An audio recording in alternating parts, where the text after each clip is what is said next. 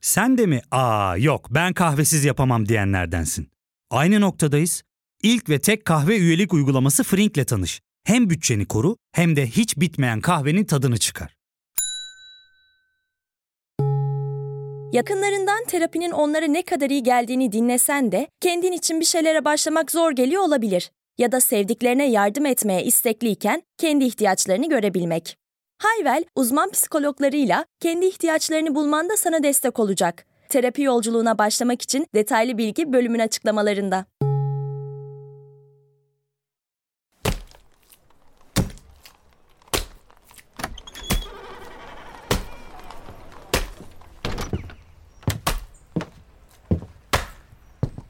Guten Morgen. Sizi yeniden görmek ne güzel. Hoş geldin. Hoş bulduk. Günaydınlar Bay Klausner. Açıkçası buradan ilk sosis aldığım günden beri evden her gün sosis siparişi geliyor. Şuradan bana yine bir kilo hazırlayın isterseniz ya size zahmet. Tabii efendim. Sahi Bay Klausner, siz bu sosislerin içine farklı bir baharat veya özel bir yağ falan mı koyuyorsunuz? Doğru söyleyin. Geschäft Geheimnis. Sizin burada meslek sırrı diyorlar. Diğer kasapların eti tatsız oluyor ama sizinki... Ben bilhassa Alman domuzu kullanıyorum efendim. Hmm, peki ya Here.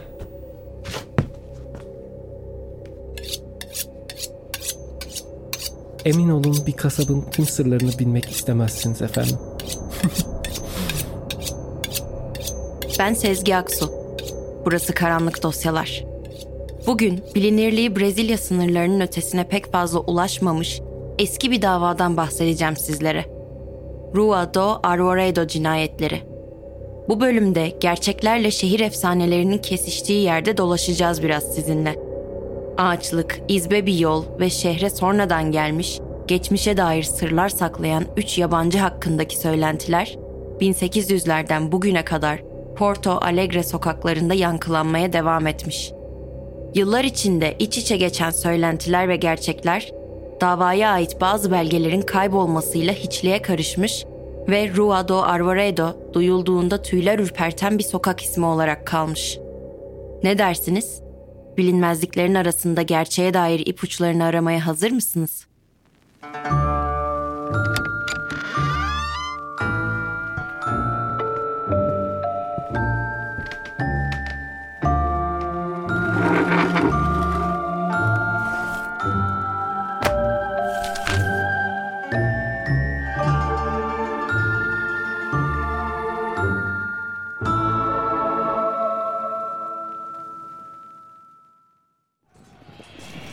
1840'lar.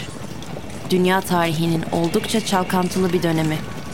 Savaşlar, kıtlıklar, isyanlar, göçler ve Avrupa'yı etkisi altına alan bir devrim rüzgarı. Bu rüzgar ve kıtalar üzerindeki genel huzursuzluk herkesin hayatını bir şekilde alt üst ediyordu. Jose, Ramos ailesinin erkek çocukları arasında en büyük olandı. Babası Manuel Ramos, Brezilya hükümetine karşı isyancılara liderlik eden General Bento Gonçalves da Silva'ya hizmet eden bir süvariydi. Onun olmadığı zamanlarda aileyi geçindirmek Jose'nin görevi olmuştu. Manuel, aksi ve şiddet eğilimli bir adamdı. Evde olduğu nadir zamanlarda Jose'nin annesi Maria'yı öldüresiye döverdi. Jose babasından çok korktuğu için bu gibi anlarda hiçbir şey yapamaz ama ona karşı bastıramadığı bir nefret duyardı. 1845 yılına gelindiğinde 10 yıldır devam eden Ragamuffin Savaşı bitmiş, taraflar arasında barış antlaşması imzalanmıştı. Bu Manuel Ramos'un eve yani Santa Catarina'ya dönmesi anlamına geliyordu. Jose hayatta en nefret ettiği insanla her gün bir arada olacağı için çok mutsuzdu. Ne var ki artık kendisini eskisi gibi çaresiz bir çocuk olarak da görmüyordu. Boyu babasından uzundu. Oldukça güçlenmişti. Çocukken annesini koruyamıyor, babasının yaptığı her şeyi sineye çekiyordu. Ama artık onun karşısında durabilirdi. Hem belki de buna hiç gerek kalmayacaktı. Jose her şeye rağmen içinde babasının değişmiş olabileceğine dair bir umut besliyordu. Bu umut Manuel'in bitmek bilmeyen öfke patlamalarıyla yerle bir olacaktı. Sıcak bir yaz günü bahçedeki palmiyeleri budarken Jose babasının annesini yine ağır bir şekilde dövdüğünü duydu. annesinin tüyler ürperten çığlıkları gözlerine perde inmesine sebep olmuştu. Artık susmanın sırası değildi.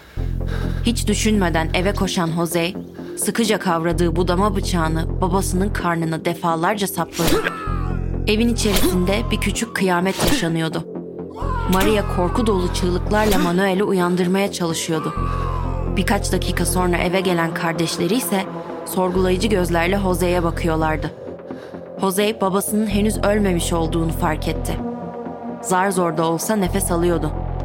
Onun uyanması durumunda Jose ölecek kişinin kendisi olduğunu çok iyi biliyordu. Hızlı bir kararla odasından birkaç parça eşyasını eskimiş bir çantaya doldurup evi terk etti. Artık bir ailesi yoktu. Geçmişini tamamen silecekti. Ve babasının o ayrıldıktan sadece üç gün sonra kan kaybı sebebiyle ölmüş olduğunu da hiçbir zaman öğrenemeyecekti. Bu olaydan sonra kendisine yeni bir hayat ve kimlik oluşturmak için Rio Grande do Sul eyaletini seçen Jose, Porto Alegre'ye yerleşmeye karar vermişti. O dönemde oldukça hareketli günler yaşayan bu kozmopolit liman kenti, kalabalığa karışmak için ideal bir yerdi. Şehirdeki aktif yaşamın tam merkezinde olmanın yanında Jose, hem fiziksel gücünü hem de babasına saldırarak kazandığı psikolojik üstünlüğü kullanmak istiyordu. Bu doğrultuda geçmişini gizleyerek polis kuvvetlerine iş başvurusunda bulundu. Yıllarca zor işlerin altından kalkmış olması ve süvari olan babasından edindiği bilgiler birleşince işe alınması hiç zor olmamıştı. Tüm bunlara rağmen hala kalacak belli bir yeri yoktu. Kimi zaman sokakta, fırsat bulduğunda polis merkezinde, bazen de tekinsiz hostellerde konaklıyordu. Ev aradığı dönemde Porto Alegre'nin merkezinde tanımadığı, sohbet etmediği insan kalmamıştı Jose'nin. Konuştuğu kişiler onu şehre yeni gelmesine rağmen oldukça başarılı olmuş bir Alman kasap olan Carlos Klausner'a yönlendiriyorlardı. Carlos uzun zamandır ağaçlık yol anlamına gelen Rua do Arvoredo'daki evi için bir kiracı arıyor ama gerçekten ahbaplık kurabileceği birini istediği için uygun kişiyi bulmakta zorlanıyordu. Ülkede hala yabancılık çekmesinin yanı sıra sosyal anlamda çok girişken birisi de değildi. Jose bunun kendisi için hiç problem olmayacağını düşündü. İnsanlarla ilişki kurmak konusunda her zaman çok yetenekli olmuştu. Babasının savaşta olduğu dönemde evi geçindirmek için her çeşit insanla çalışmıştı. Nabza göre şerbet vermeyi iyi biliyordu. Jose gerçekten de Carlos'a kendini sevdirmeyi başarmıştı. Savaşlara oldukça meraklı olan Carlos'a babasının süvarilik anılarını kendisi yaşamış gibi anlatmış, onun gözünde hayranlık uyandırıcı bir mertebe edinmişti. Üstelik Carlos'la ilgi alanları da benzerdi. İkisi de şehirde olup bitenlere karşı çok meraklıydılar. Carlos, kasap dükkanının merkezi bir konumda olması sayesinde Porto Alegre'nin tüm gündemine hakimdi. Burası ticaret hayatının çok aktif olduğu bir şehirdi. Brezilyalı zenginlerin yanı sıra şehrin her yerinde Alman ve İtalyan tüccarlara rastlamak mümkündü. Carlos içten içe bu dünyaya ilgi duyuyor ama bir türlü kabuğunu kıramıyordu. Jose'nin girişkenliği sayesinde merak ve imrenme duyduğu bu insanlar hakkında daha fazla bilgi sahibi olabilirdi. Carlos, yeni dostu Jose'ye sosyeteye karışmasını sağlayacak bir giyim tarzı ve saç modeli edinmesi konusunda da yardım etmişti. Kısa bir zaman içerisinde Jose fiziğinin de verdiği avantajla yüksek zümrenin içerisinde saygı değer, sanatla iç içe bir polis memuru olarak yer almaya başladı. Tiyatro premierlerini, opera ve balo etkinliklerini kaçırmıyor, şehrin en zengin yerlileri ve gezginleriyle ahbaplık kuruyordu. Böyle gecelerden birinde karşısına tanışmayı hiç beklemediği biri çıktı. Kadehimi tazeler misiniz? Pardon? Beni garson sandınız sanırım. Hayır. Sadece içkimi sizin gibi yakışıklı bir adamın koymasını istedim. Beni geri mi çevireceksiniz? Şey, hayır. Yani sizin gibi güzel bir hanımı tabii ki geri çevirmek olmaz ama... Ama ne? Biraz heyecanlandınız sanırım. Buralı mısınız? Yabancı bir havanız var. Öyle mi? Nasıl bir havaymış bu? Sarı saçlar, renkli gözler. Alman mısınız yoksa? Hayır, Brezilyalıyım. Alman olmamı mı tercih ederdiniz? Hayır. Öyle olsaydı bu güzel sohbetimiz başlamadan biterdi. Ama şimdi bu gece epey uzayacak gibi duruyor. Sağlığınıza. Jose'nin yanına gelen bu gizemli ve çekici kadının ismi Katarina Pels'tı. Kusursuz bir güzelliğe sahip olan Katarina 26 yaşındaydı ve sadece 6 yıldır Porto Alegre'de yaşamaktaydı. Avrupa'daki değişim rüzgarları 1848'de Macar devriminin de başlamasına neden olmuştu.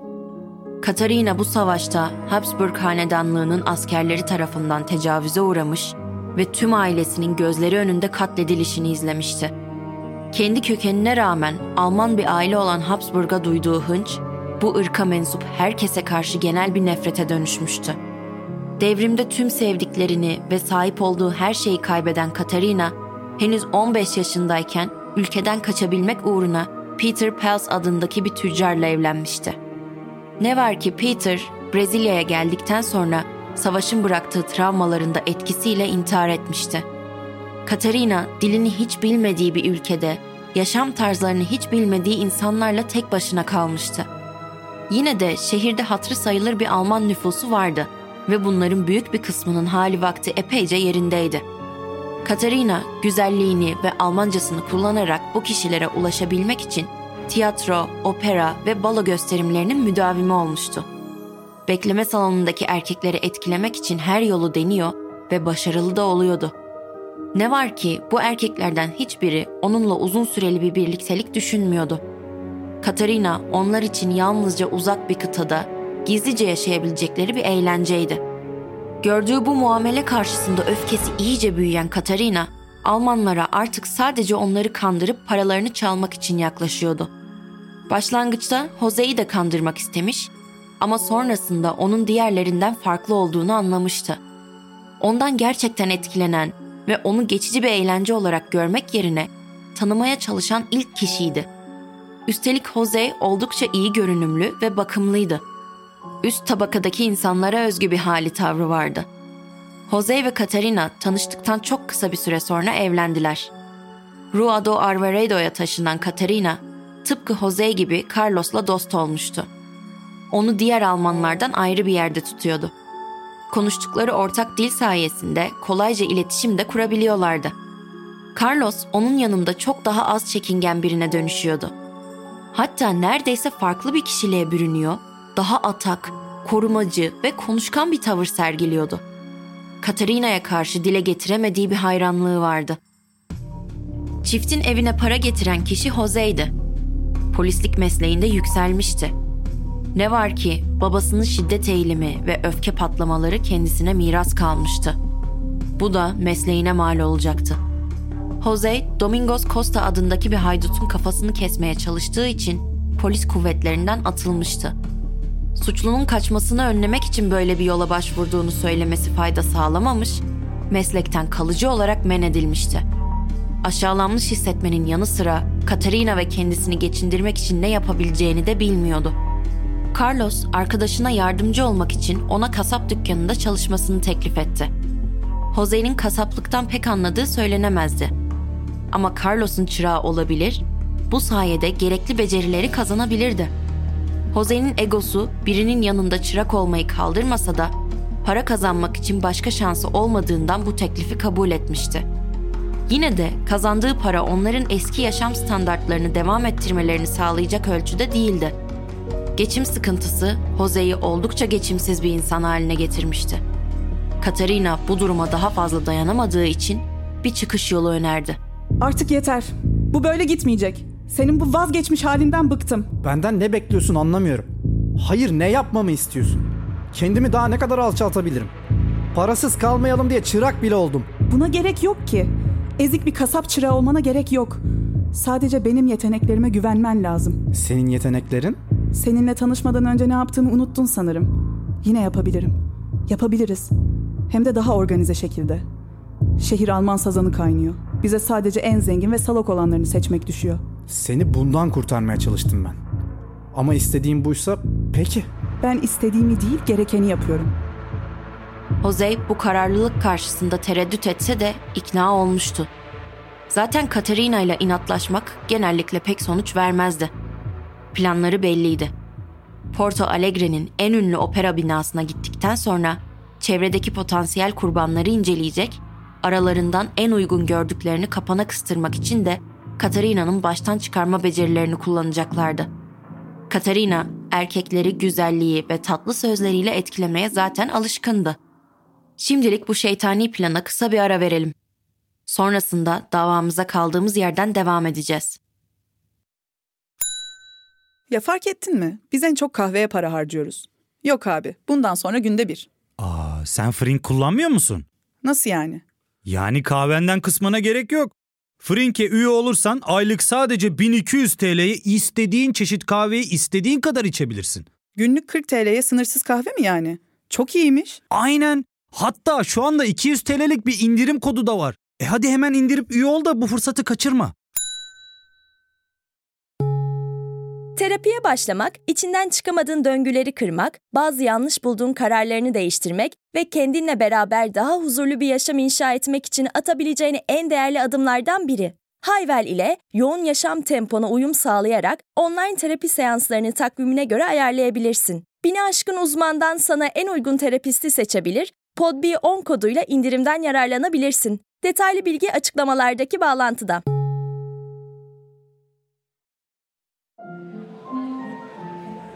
Katarina tıpkı konuştukları gibi gözüne kestirdiği bir erkeğin yanına gidip flört etmeye başladıktan sonra onu Porto Alegre'de yaşayan yalnız bir kadın olduğuna inandırmış ve Rua do Arvoreda'daki evine davet etmişti. Bu teklife karşı koyamayan Lucas ismindeki adam, Porto Alegre'de iş için bulunan orta yaşlı bir gemi mühendisiydi. Opera izleme planından anında vazgeçip büyük bir heyecanla Katarina'yı takip etmeye başlamıştı. Bu esnada Jose'nin de kendilerini yakın takibe aldığının farkında değildi. Rua do Arvoredo etrafı uzun ağaçlarla çevrili olduğu için şehrin geri kalanına göre çok daha karanlık bir yoldu. Geceleri bu ağaçlar şehrin tüm ışıklarını ve seslerini adeta emerdi. En küçük bir dal çıtırtısı bile yankılanırdı. Eve girdikten sonra Katarina hem kendisinin hem de Lucas'ın üstündekileri çıkardı. Parasını çalmak için önce onu etkisiz hale getirmesi gerekiyordu. Şerefe. Odaya mı geçsek artık? Tamam, sen de çok sabırsız çıktın. Her şeyin bir zamanı bir bedeli var. Şarap içmekten sıkıldıysan şu bileğindeki saat karşılığında işleri biraz hızlandırabilirim mesela. Ne diyorsun sen ya? Oyun mu oynuyoruz? Gel buraya. Bırak elimi. Beni sen davet ettin. İstediğim her şeyi yapmak zorundasın. Bırak dedim. Ö-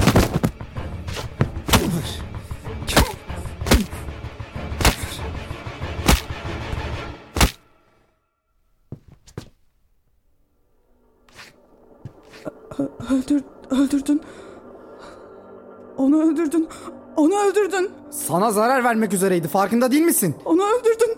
Katil olduk. Kendine gel. Bir şey yok. Hiçbir şey olmamış gibi hayatımıza devam edeceğiz. Tamam mı? Ne yapacağız biz? Cesedi nasıl saklayacağız? İyi geceler. Rahatsız etmek istemezdim ama garip sesler duydum da her şey yolunda mı? Carlos geldi. Yakalandık. Şimdi bittik işte. Carlos'un sesini duymak o ana kadar panik halinde olan Katarina'yı rahatlatmıştı. Carlos'un ona her ne koşulda olursa olsun yardım edeceğini biliyordu. Katarina'nın bir anda beden dili ve ses tonu bir tiyatro sanatçısı gibi değişmişti. Carlos. İsteyerek olmadı. Bana zarar vermek istemişti. Onu öldürmek zorunda kaldım. Cesedi bulacaklar. Hapiste çürüyecek miyim şimdi? Hayır, hayır. Böyle bir şey olmayacak. Buna izin veremem. Bir fikrim var. Ondan kurtulabiliriz. Sanki hiç var olmamış gibi yapabiliriz. Carlos'un bulduğu fikir akıllara durgunluk verecek cinstendi. Cesedi önce parçalara ayırıp sonra da kasap dükkanındaki makinesinde sosis haline getirmeyi önermişti. Sosis dükkanında en çok satılan üründü. Öğle saatlerine kadar hazırlamış olduğu sosislerin tamamı biterdi. Bu da cesede dair delillerin kimsenin ruhu bile duymadan yok olması demekti. Katerina ve Jose dahiyane buldukları bu fikre dört elle sarıldılar. Ertesi sabah Carlos, Lucas'tan geriye kalanları müşterilerine satmak üzere tezgahına dizmişti.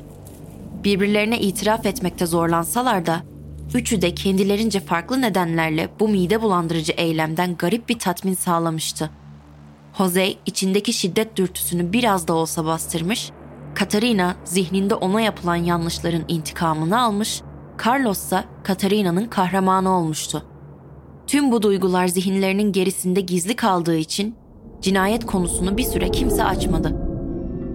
Ama ilginç bir şey olmuş ve Carlos'un son yaptığı sosislerin namı tüm Porto Alegre'ye yayılmıştı. Müşteriler daha fazlasını istiyordu. Klausner cesetten kurtulmak için başvurduğu bu yöntemin işlerini açacağını hiç düşünmemişti. O hafta kazandığı para iki katına çıkmıştı. Oysa şimdi müşteriler eski sosislerin yüzüne bakmıyordu. Bu durumu Jose ve Katerina ile paylaştığında onların gözlerinde bir ışık yandığını fark etti. Böylece üçü de içten içe arzuladıkları şekilde yeniden cinayet işlemek konusunda anlaşmışlardı. Jose ve Katarina opera binasındaki oyunlarına bu sefer doğrudan öldürmek amacıyla devam etmeye karar verdiler. En az beş Alman daha Katarina tarafından tuzağa düşürülüp Rua do Arvoredo'ya gelmiş ve ertesi günü göremeden Klausner'in müşterilerine sosis olarak sunulmuştu. Carlos başlangıçta kazandığı paradan ve sosis makinesi fikrini öne atan insan olarak Katarina'nın gözüne girmiş olmaktan mutluydu. Ama şehirde Alman tüccarların ve sosyetenin önde gelen isimlerinin kaybolduğu fısıltıları yükselmeye başlayınca içini bir korku kaplamıştı. Yakalanıp idam edilme korkusu. Bu er ya da geç olacaktı. Bir yolunu bulup izini kaybettirmesi gerekiyordu. Katarina'dan uzaklaşma fikri onu üzse de öncelik kendi canındaydı. Bir akşam yemeğinde cesaretini toplayıp Jose ve Katarina'ya açılmaya karar verdi. Kadehimi senin şerefine kaldırıyorum Carlos. Sana ve kasap dükkanının başarısına. Böyle kazanmaya devam edersek yakında yepyeni bir ev bile satın alabiliriz. Aa, evet. e, güzel olurdu tabii. Ama maalesef ben bir süre buralarda olamayacağım. Nasıl yani? Ne demek bu şimdi? Şey, Nürnberg'den bir mektup aldım. Teyzem. Koleraya yakalanmış. Ee, salgın var tabii. Almanya'ya mı döneceksin? Yani beni teyzem büyüttü. Yanında olmam lazım. Jose, Carlos'un söylediklerine bir an bile inanmamıştı. Porto Alegre'deki tek dostu açıkça onu ele vermeye hazırlanıyordu. Carlos yemekte içtikleri şarabın etkisiyle kolayca uykuya dalmıştı. Bunu fırsat bilen çift, Carlos'u bir yastık yardımıyla nefessiz bırakarak öldürdü. Sonra da eski arkadaşlarına diğer kurbanlarıyla aynı kaderi layık görmedikleri için onun cansız bedenini bahçeye kazdıkları bir çukura gömdüler. Ertesi sabah Jose, kasap dükkanına gelen müşterilere Carlos'un ani bir kararla Uruguay'a yerleştiğini ve iş yerini kendilerine kiraladığını söyledi. Ama insanlar bu beklenmedik gelişmeyi şüpheli bulmuşlardı. Jose'nin kasaplık konusundaki beceriksizliği de gittikçe belirginleşmeye başlayınca zaman içerisinde dükkana kimse uğramamaya başladı. Ne var ki yerel halkın gözleri bu tuhaf çiftin üzerindeydi. Rua do Arvoredo, insanların kendi köşelerinden gizlice izlediği bir bölge haline gelmişti. Ama Jose ve Katerina bunun farkında değillerdi. Kasap sinek avlamaya başlayınca eski yöntemlerine dönmeleri uzun sürmeyen çift, bu sefer çifte bir cinayet işlemeye karar vererek Portekizli tüccar Januario Martins ve yardımcısı Ignacio de Souza'yı ağlarına düşürdü. Ama o gece Ruado Arvoredo'nun karanlık yolundan geçerken çıt çıkmayan evlerinin perdelerinin ardında kendilerini izleyen gözlerin olduğunu bilmiyorlardı. Mahallenin tüm sakinlerinin olaya tanıklık etmesi, Januario ve Ignacio'nun cinayete kurban gitmelerini engellememiş olsa da kayıp haberi çıktıktan sonra yol üzerinde oturan herkes şahitlikte bulunmak üzere polise ifade vermiş ve Jose'nin evini hedef olarak göstermişti.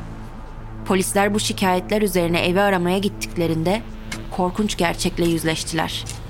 Evin bahçesi kazılınca Carlos'un çürümekte olan cesedinin yanında Januario ve Ignacio'nun yeni gömülmüş bedenleri de ortaya çıkmıştı.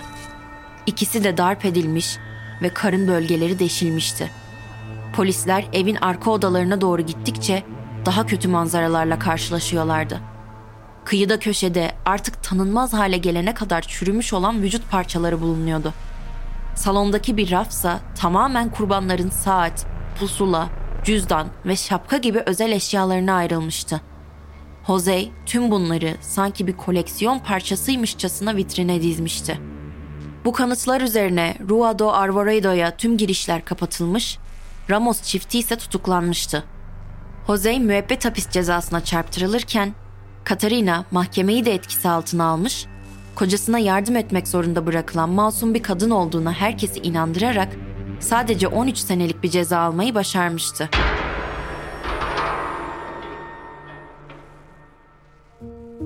...1983 yılında Jose bir hastanede yaşamını yitirdi. Suçunu son nefesine kadar inkar etmesi onu özgürlüğüne kavuşturmamıştı. Katarina ise 1877'de serbest kalıp çok uzaklarda yeni bir hayata başlamak üzere Porto Alegre'yi terk etti. Nereye gittiği, bundan sonraki hayatında neler yaptığıysa bir muamma. Bugün Rua do Arvoredo'da yaşananlar, büyük annelerin çocuklarına biraz da uyarı amacıyla anlattıkları bir hikayeye dönüşmüş.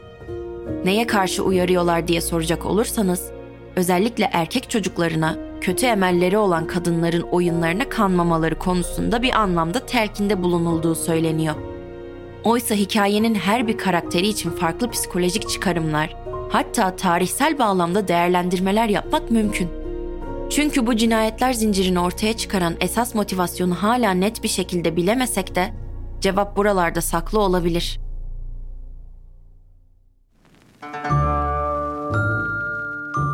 Evet, bu haftanın karanlık dosyasının da sonuna geldik. Yeni bir dosyada buluşuncaya dek yediğiniz etleri güvenilir bir yerden aldığınıza emin olmanızı öneririm. Görüşmek üzere.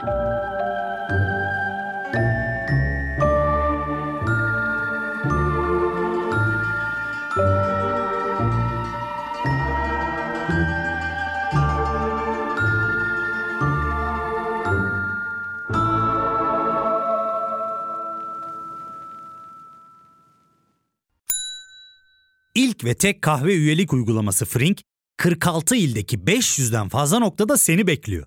Açıklamadaki kodu girerek sana özel 200 TL'lik indirimden faydalanmayı unutma.